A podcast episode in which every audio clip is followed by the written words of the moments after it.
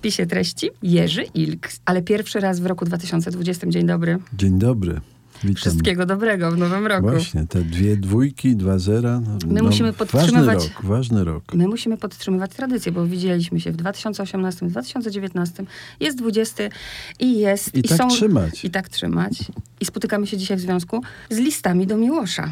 I to w związku z pana listami do Miłosza. A no właśnie, to są listy niejako podyktowane mi, bo ja opowiem pani może najpierw taką historię. Jak e, była tutaj taka spotkanie Wiesława Myśliwskiego ze Stanisławem Bajem, oni tworzyli taki krąg poetów, przyjaciół z, jeszcze z Tadeuszem Nowakiem i z profesorem Stanisławem Balbusem.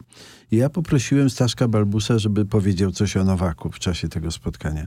I Staszek do mnie zadzwonił przedtem i mówi, wiesz, ja sobie to wymyśliłem w takiej formie, że ja powiem o liście do nieżyjącego poety. No i mi to opowiada, ale jak mi powiedział o tym liście do nieżyjącego poety, ja mówię, to ja ci coś przeczytam. I przeczytałem mu pierwszy z tych y, wiersz, listów. Bo Staszek, y, bardzo mu się to spodobało. Mówi, ale słuchaj, to nie jest żaden list, to jest wiersz. Co ty mówisz? Ja mówię, no Stasiu, jak uważasz? Ale jak ci się podoba, to przeczytam ci drugi. Przeczytałem mu drugi i on zwariował i mówi, słuchaj, to musisz to wydać, y, a ja napiszę do tego posłowie. Ja myślę, Staszku, no jak będę wydawał dwa wiersze, to jeszcze, jeżeli w ogóle o czym myśleć takim, to powinien jeszcze być y, list z Grizzly Peak, czy na Grizzly Peak. A to już nie będzie to samo, bo te dwa pierwsze powstały właściwie w taki sposób, że niemalże były mi podyktowane. Spędzaliśmy wakacje w Krasnogródzie, mm, tam gdzie Miłosz odwiedzał swoje ciotki, gdzie nad jeziorem Gaładuś e, strzelał do perkozów, czego się potem bardzo wstydził. E, no i ja czułem jego obecność. Czułem, że on jest taki szczęśliwy, że nam się podobają te jego strony. I właściwie poczułem, że muszę coś zapisać. I zapisałem ten list, wiersz, no jak zwał, tak zwał. Ja bym nigdy siebie nie nazwał poetą, bo to by mnie strasznie jakoś żenowało. To się po prostu przydarza czasem, nie wiadomo na jakiej zasadzie. No i, i ten pierwszy list do Czesława Miłosza ukazał się w Tygodniku Powszechnym w trzecią rocznicę jego śmierci. Potem zadzwonił do mnie Tomasz Węclowa i mówi, Jerzy, czy ty nie miałbyś nic przeciwko temu, żebym ja to przełożył na litewski? Ja mówię, Tomasz, to jest zaszczyt dla mnie. I on to wydrukował w jakimś bardzo dobrym literackim piśmie w Wilnie. I minęło sporo lat. Trzy lata temu byliśmy w zimie e, w Wilnie, gdzie wcześniej byłem z Miłoszem. Byłem z Miłoszem na tym zjeździe noblistów, kiedy była tam Wisława Szymborska i był e, Günter Grass. E, Litwę reprezentował Tomasz Węclowa, więc miałem dużo wspomnień z tego Wilna i kiedy chodziłem po tym mroźnym, zimnym Wilnie teraz, trzy lata temu, no to też pojawiło się to uczucie takiej obecności Miłosza, takiej, poczucie takiej żywej, dotkliwej obecności i znowu konieczność zapisania jakichś linijek, które się ułożyły w drugi ten list do Miłosza z Wilna. No i kiedy Balbus powiedział mi o tej książeczce, to mówię mu, Słuchaj, ale ten trzeci list to nie będzie to samo, bo te, to będzie inna temperatura, to będą już jakaś taka wyprawa we wspomnieniach. E, to nie będzie pod wpływem emocji wyzwalanych przez to miejsce, tylko no, ale spróbuj.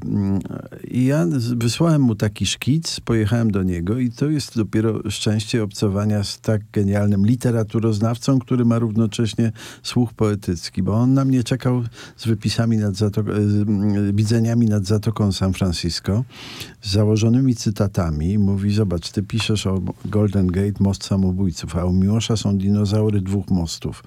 A tutaj ta linijka jest trochę zbyt taka retoryczna, a tu, jak ja mu powiedziałem raptem, wiesz, to nie będzie sosny, tylko sosny ponderoza. On mówi, genialny, właśnie to wtedy lokuje, wiemy, gdzie jesteśmy od razu. No i tak na zasadzie takiego creative writing z mistrzem powstał mm -hmm. ten trzeci trzeci list, y, wiersz do Miłosza i, te, i, i, on dopisał, napisał do niego, męcząc się przez dwa miesiące, szukając jakiegoś uchwytu, napisał takie posłowie, że ja czytając je rumienię się i nie dowierzam, że to jest o mnie w ogóle. A Tomasz Węclowa to wszystko przełożył na litewski. Moje przyjaciółki przełożyły to Magda Heidel, Ewa Hryniewicz-Jarbrow i mm, Agata Hołodubut. Wspaniale przełożyły te wiersze i posłowie na angielski i dzięki temu ta edycja jest trójjęzyczna, polsko-angielsko-litewska, a także ozdobiona jest zdjęciami mojej żony, która fotografuje i która przepięknie e, fotografowała Wilno i, i te okolice Krasnogródy. Natomiast w Kalifornii już nie była ze mną i te zdjęcia z Kalifornii są moje, ale ale zdjęcia wydaje mi się jakoś korespondują z emocjami, z klimatem tych tekstów i, no i tworzą taką wypieszczoną, śliczną książeczkę, którą wydało wydawnictwo Universitas i którą, do której mam szalenie osobisty stosunek, bo to są takie wyznania niemal miłosne. No nie wstydzę się tego. Miłość był dla mnie kimś bardzo ważnym i bliskim, ale kiedy czytałem te wiersze w piwnicy pod baranami, to miałem takie poczucie, jakbym się musiał publicznie trochę obnażyć, bo one są szalenie osobiste i, mm, i takie ważna jest dla mnie ta książeczka, bliska mi bardzo. Ja tak jak otworzyłam ją i zobaczyłam to zdjęcie, Aha. Kto, wiadomo kto jest na tym zdjęciu? Nie, to są... Bo ja pomyślałam, że to jesteście wy. Nie, to są, no to bardzo Metaforycznie ładnie. oczywiście, To bardzo nie? ładnie. To jest, to jest jezioro Gaładoś, cudowne, ciche jezioro w Żegarach, blisko granicy Litwy. Już właściwie drugi jego brzeg to już jest Litwa. Bo można tak pomyśleć, tak metaforycznie, prawda, jest y, Miłosz i Jerzy Ilk, który otacza opieką, prawda, z tyłu. No to jest właściwie cudowne, że co czytelnik, to możliwość innego odbioru i Przeczytajmy ten pierwszy. Pierwszy, przeczytajmy, dobrze. Już go otwieram. E, kochany panie Czesławie, znów mam poczucie pańskiej obecności, tak intensywnej niedawno w Krakowie. Nawet bowiem, gdy pański telefon już milczał, i nie dudnił pod stropem śmiech nieujarzmiony, byłem pewien, że gdybym skręcił, jadąc z Ditla, wpierw w Sebastiana i w Bogusławskiego i nacisnął na dzwonek, usłyszałbym stuk laski, a głos tubalny od progu zadałby pytanie – Panie Jerzy, to czego się dziś napijemy? No w litewskim podejrzewam jest mnóstwo literówek, bo nie mogłem tego poprawić, a, ale, ale angielskie przekłady, y, jeszcze trzeba powiedzieć, że oszlifowała je mm, Jane Hirschfield, moja przyjaciółka, poetka z San Francisco, która y, nieznaczne, ale takie szlify, które tę angielszczyznę uczyniły jeszcze bardziej chyba mm, doskonałą i no, trudno mi to ocenić, y, ale wydaje mi się, że i ranga tych tłumaczek i, i jeszcze ta dodatkowa gwarancja gwarancja w postaci takiej weryfikacji świetnej poetki, no to sprawiają, że te przykłady, mam nadzieję, po angielsku brzmią równie dobrze. Na ogół listy polegają na tym, że się wyprawia do tego już nieobecnego, bliskiego tam, w zaświaty. Czasem to jest modlitwa, czasem to jest wiersz, a w tym wypadku on ma takie wrażenie, jak ja bym tego Miłosza chciał przywołać stamtąd i, i osadzić w tym świecie, w którym razem wędrowaliśmy, piliśmy whisky, rozmawialiśmy. A jak się pisze list, to się dostaje odpowiedź. Nawet może się nie wie, że się ją dostaje. Zdarzyło się tak, że po napisaniu tych listów otwiera pan teksty Miłosza i, i nagle szok, tak jakby się dostawała odpowiedź? No troszkę tak jest, a tutaj też dodatkowo parę osób mi mówiło, że jakby słyszą w tych listach Miłosza, bo też one są inkrustowane cytatami tak. z niego. Ja bym może przeczytał na przykład ostatnią strofę tego litewskiego, wileńskiego wiersza, bo tutaj właśnie się pojawiają takie mikrocytaty z Miłosza. Wszystko minione, wszystko zapomniane. Po ciemnych falach willi Kra niesie jak kiedyś z otchłani przeszłości w niewiadomą przyszłość strzępy pamięci, płacz nad przemijaniem, przepowiednią wygnania, trudną zgodę na to, co jest i będzie. Wygrywać, przegrywać? Po co, jeżeli o nas i tak świat zapomni? Dwie ostatnie mm -hmm, linijki mm -hmm. są mhm. Miłosza i pierwsza ta, wszystko minione, wszystko zapomniane, więc... A ja podeprę to od razu cytatem Stanisława Balbusa. Magia poetyckiej apostrofy, która jakby wprost z dzieła poetyckiego Miłosza udzieliła się głębokiemu znawcy i miłośnikowi. Ojej.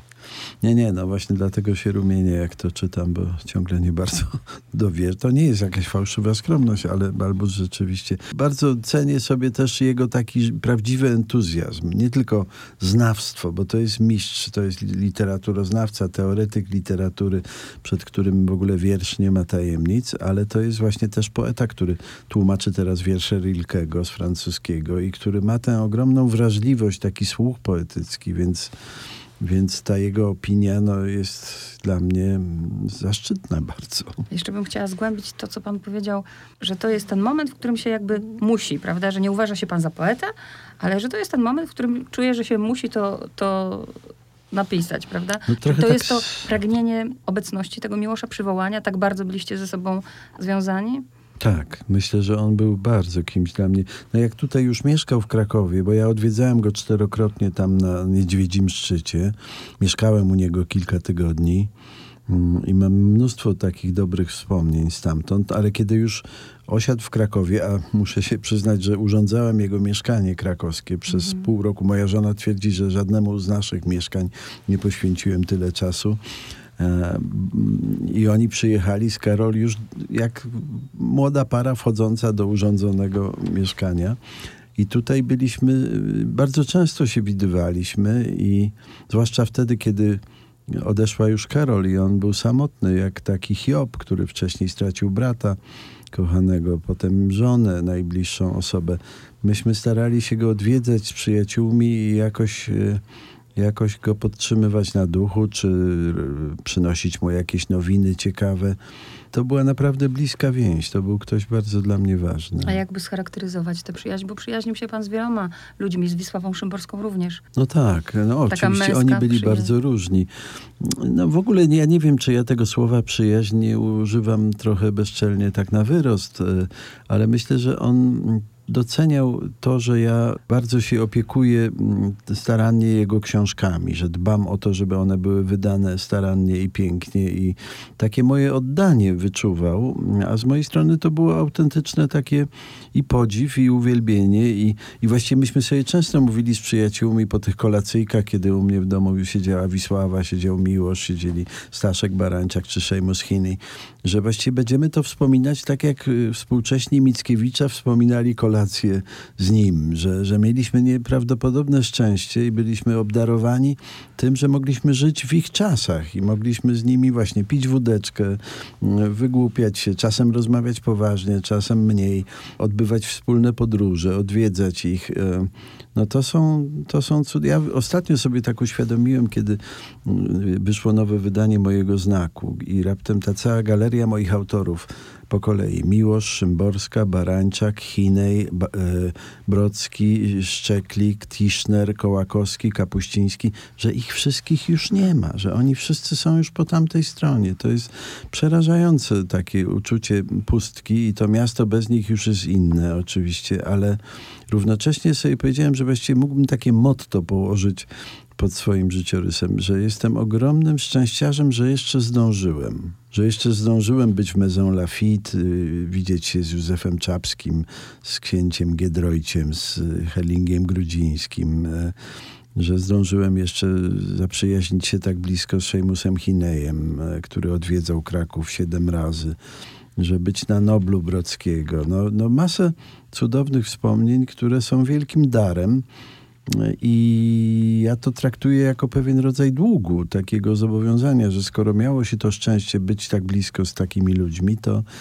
to powinno się jakoś dać świadectwo, nie używając wielkich słów, ale, ale pokazać ich jako żywych ludzi, nie jako pomniki, nie jako na, na cokołach jakieś wieszcze, ale jako żywych ludzi w, w, ich właśnie wszystkich codziennych czasem słabostkach czy wygłupach. I to nie chodzi o żadne plotki, ani o żadną taką ciekawskość, tylko, tylko mm, podzielenie się tym szczęściem, które się otrzymało. Nie mówi pan na wyrost, tu wrócę do tego o Miłoszu Przyjaciel, bo wyraźnie w posłowiu jest, że Stanisław Balbus pisze, sam wielokrotnie słyszałem, jak Miłosz i to w gronie kameralnym i publicznie mówił o nim mój przyjaciel Jerzy Ilk. I teraz takie pytanie, jakby Miłosz żył, a napisałby pan wiersz dla niego, odważyłby mu się pan dać za życia? Czy bałby no, się jest, pan? To jest dobre pytanie. No, Balbus tam pisze, że ja go nigdy tym swoim uwielbieniem czy oddaniem nie wprawiałem w zakłopotanie, bo to rzeczywiście chyba nie odważyłbym się, bo to byłoby takie wy, jawianie swoich uczuć. No, na przykład z Wisławą w ogóle to nie do pomyślenia, bo ona bardzo mm, przestrzegała jakiejś takiej bariery intymności, czy, czy pewnego takiego dystansu, że o pewnych rzeczach wprost się nie mówi, że, że można być pewien, na przykład dedykację pisała z nie najgorszymi uczuciami, albo, e, ale to nie było wprost, a wiedziało się, że ma mhm. oczywiście jak najlepsze uczucia, ale nie, tego, się, tego się nie mówiło i chyba do Miłosza też mogłem napisać te listy dopiero wtedy, kiedy jest tam, ale mam nadzieję, że tam też je czyta i się cieszy tą książeczką. Ale my właśnie za życia, że tak powiem, ziemskiego wielu rzeczy wielu ludziom bliskim nie mówimy, a później żałujemy tego. To prawda, to jest prawda. I co, nie tylko nie, nie wyznajemy, ale co gorsza też nie pytamy ich.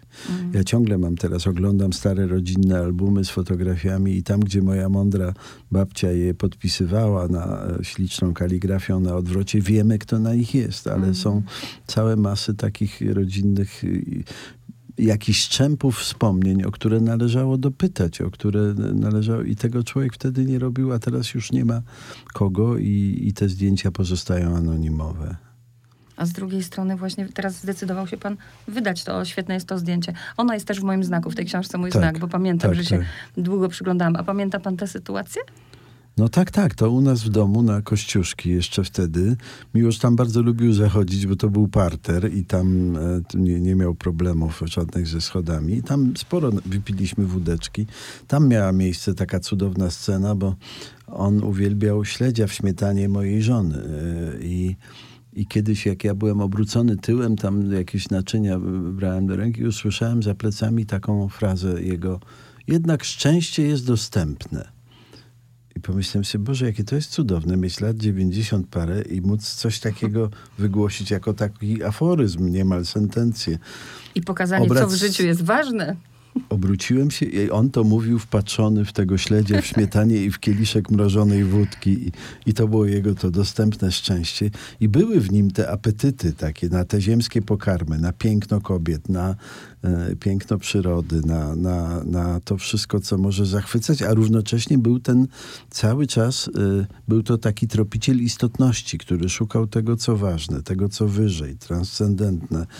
Szukał epifanii. E, Także to było obcowanie z kimś, kto szalenie dużo mm, dawał i, i, uczył. Właściwie te spotkania z nim często to były egzaminy. On odpytywał, czy się czytało to, to, to. On wszystko czytał. Młodych poetów, bieżącą prasę oczywiście, ale wszystkie ważne książki. I potem y, odczuwał taką potrzebę rozmowy istotnej, no, poważnej.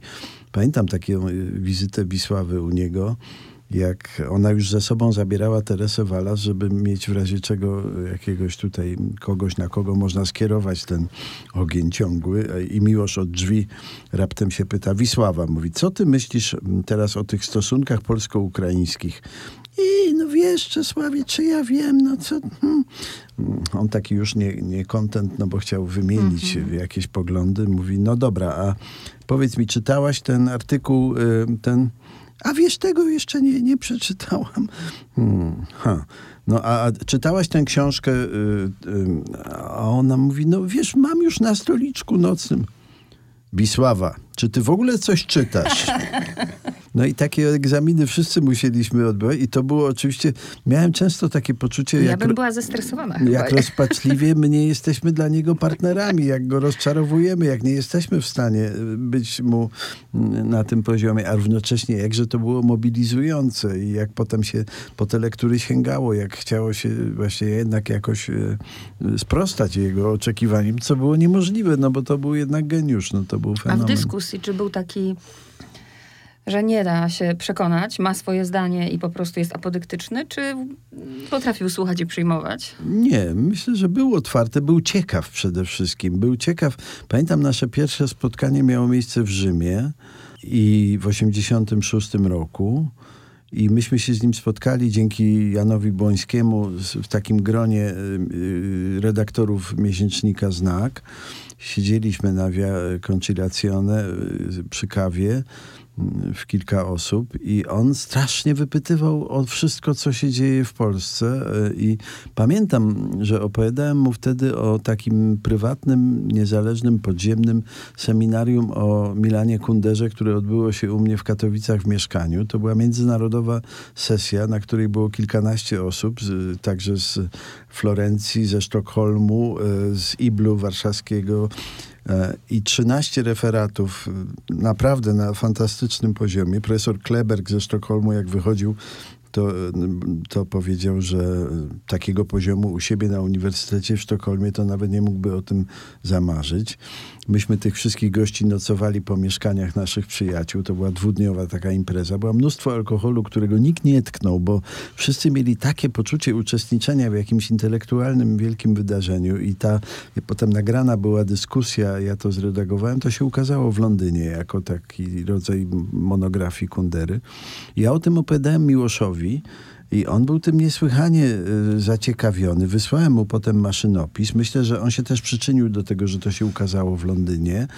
Mm, ale napisał w roku myśliwego potem o tym taki akapit, że czytam nadesłany z Polski maszynopis szkic, rozpraw o Kunderze. Mówi, ile młodych, żywych inteligencji. Mówi, w moich czasach nie do pomyślenia to było. Więc te rozmowy były fantastyczne i ja czasem, na przykład pamiętam taką jego pierwszą, pierwszą tutaj e, wizytę, mm, nie, nie tą po Noblu, tylko już w 90 roku, czy w 89. Tygodnik Powszechny zabrał go na kolację do takiego zajazdu Krystynka pod Olkuszem.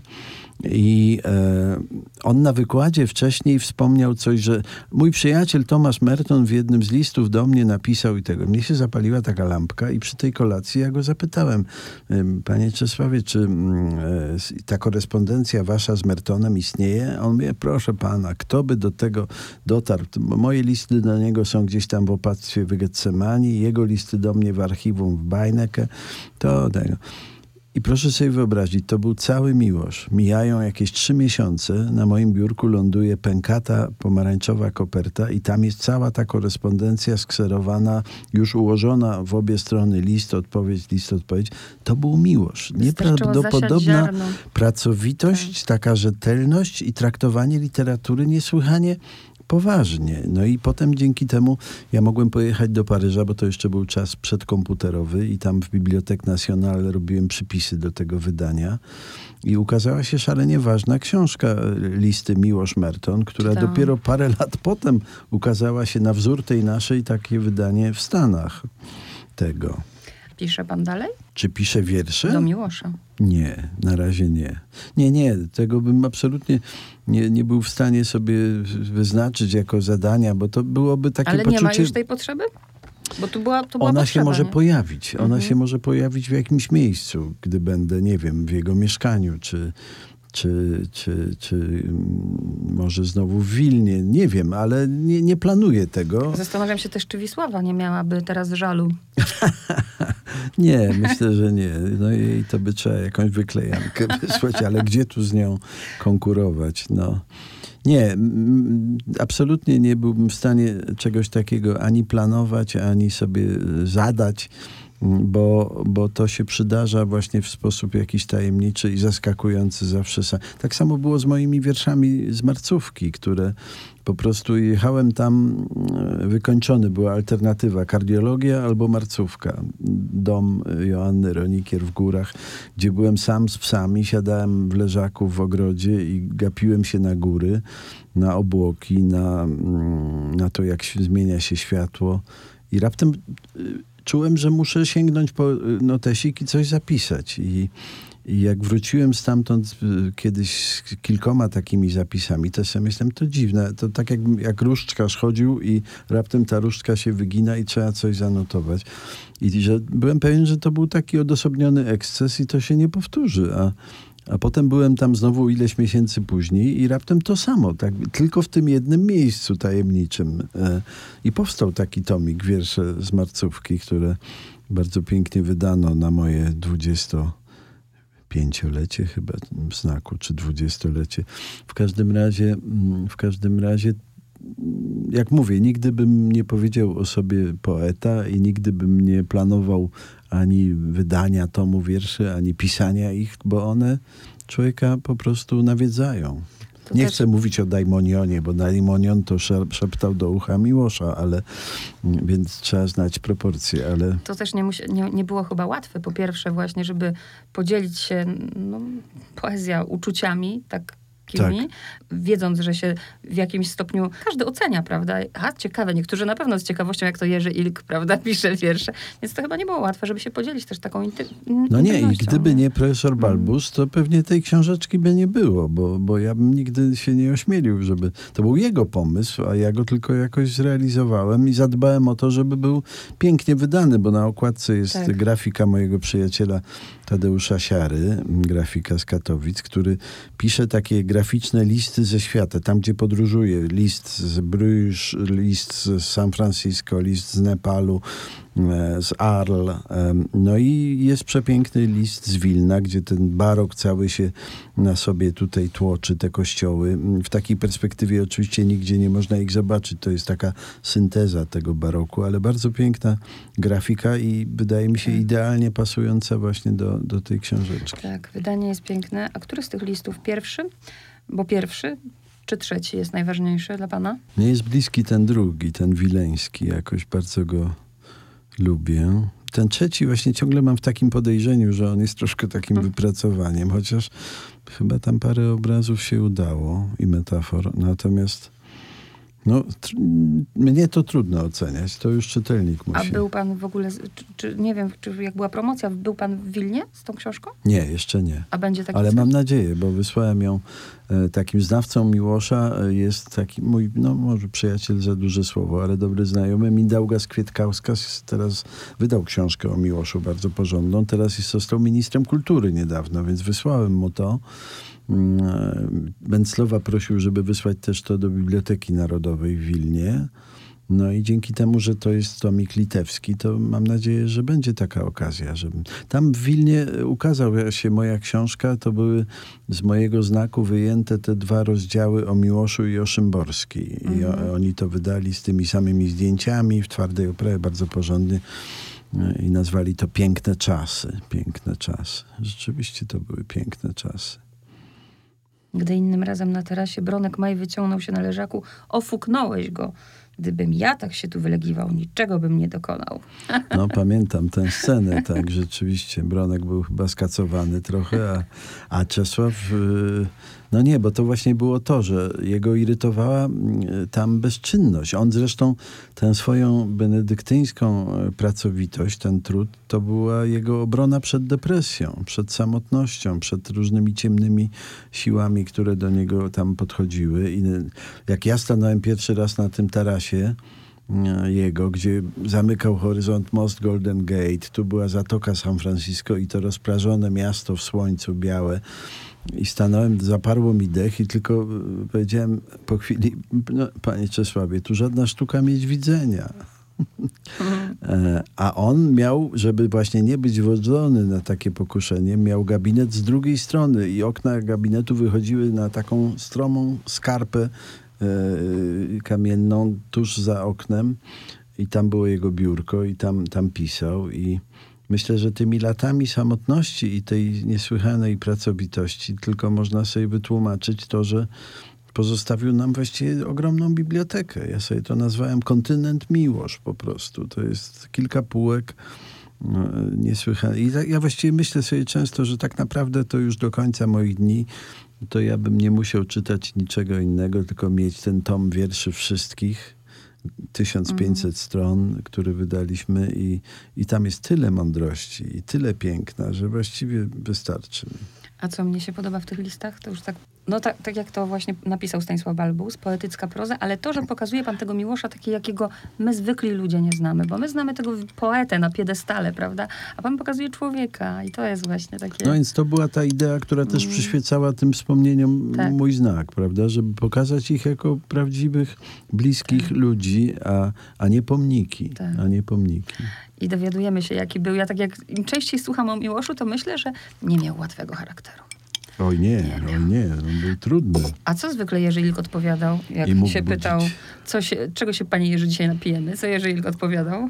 No, tam było w czym wybierać, bo tam stał taki był barek na kółkach, gdzie pod spodem stały rozmaite pękate flasze. Ja nie przepadałem i nie przepadam za bourbonem, e, tym amerykańską whisky, ale whisky taka dobra irlandzka czy szkocka, owszem, to jest bardzo przyjemny napitek. No i sporo tego wychyliliśmy, tych kieliszeczków. Ale to jest niemożliwe, niego- że sporo, bo by nie pracował taką benedyktyńskiej pracy, by nie mógł wykonywać. No nie, ale mówił mi, że przez lata pił do lustra, ale nigdy nie używał alkoholu jako y, takiego e, środka, który by miał Mhm. ułatwiać czy stymulować pisanie. Tego nigdy nie było. I myśmy się często zastanawiali na przykład, czy w jego wypadku można mówić o alkoholizmie, bo jednak pił właściwie prawie codziennie, ale to było upodobanie. To, to nigdy nie było ani żadne ciągi, ani żaden nauk, tylko po prostu on to bardzo lubił. I, i to z, z nim było wielką przyjemnością, bo, bo potem sobie pozwalaliśmy na różne, na różne żarty i na różne... Agnieszka Kosińska opisuje w tych wspomnieniach taki numer, który mu zrobiłem, jak wyszedł tomik To. E, wiedziałem, że Miłosz jest zafascynowany zdjęciami Sally Mann, takiej Tak, amerykańskiej... historię, bo ją tak, opowiadał pan Opowiadałem ostatnio. to, no to tak, już ale nie to jest świetna historia. A czy Jerzy Ilk na co dzień ma czas, żeby sobie zajrzeć na bulwar Poleski i pochodzić? Nie bardzo, nie bardzo. Czyli ostatni raz był pan, Jestem jak było niby- otwarcie schodów?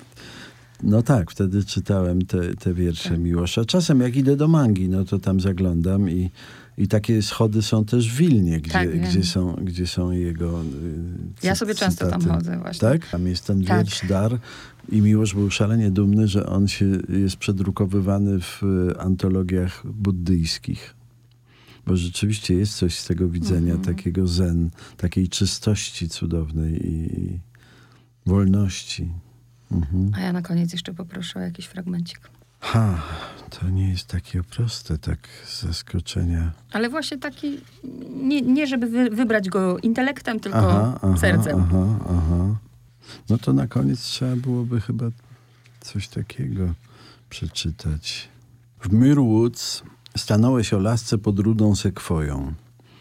To dowód, że istnieje coś starszego niż ja. Najtrudniej przeżyć te dwie kosy. Potem to już się żyje. Tak samo tutaj. Pierwsze tysiąc lat. Nad domem olbrzymie sosny ponderoza nie przypominały drzew liściastych w twoim powiecie. Nie lubiłeś eu- eukaliptusów. To takie wielkie chwasty. Jelenie, utrapienie Carol, zamiłowanej ogrodniczki, po latach przyszły tłumnie cię pożegnać. Gdy do Marka Danera, nowego właściciela domu na Grizzly Peak, zadzwonił Bob Haas. Dziś rano w Krakowie zmarł Miłosz. Tylko kolibry wciąż przystają nad kwiatem kapryfolium. No to jest chyba dobre zakończenie. Bardzo dobra. Jerzy Ilk, dziękuję bardzo. Dziękuję, dziękuję.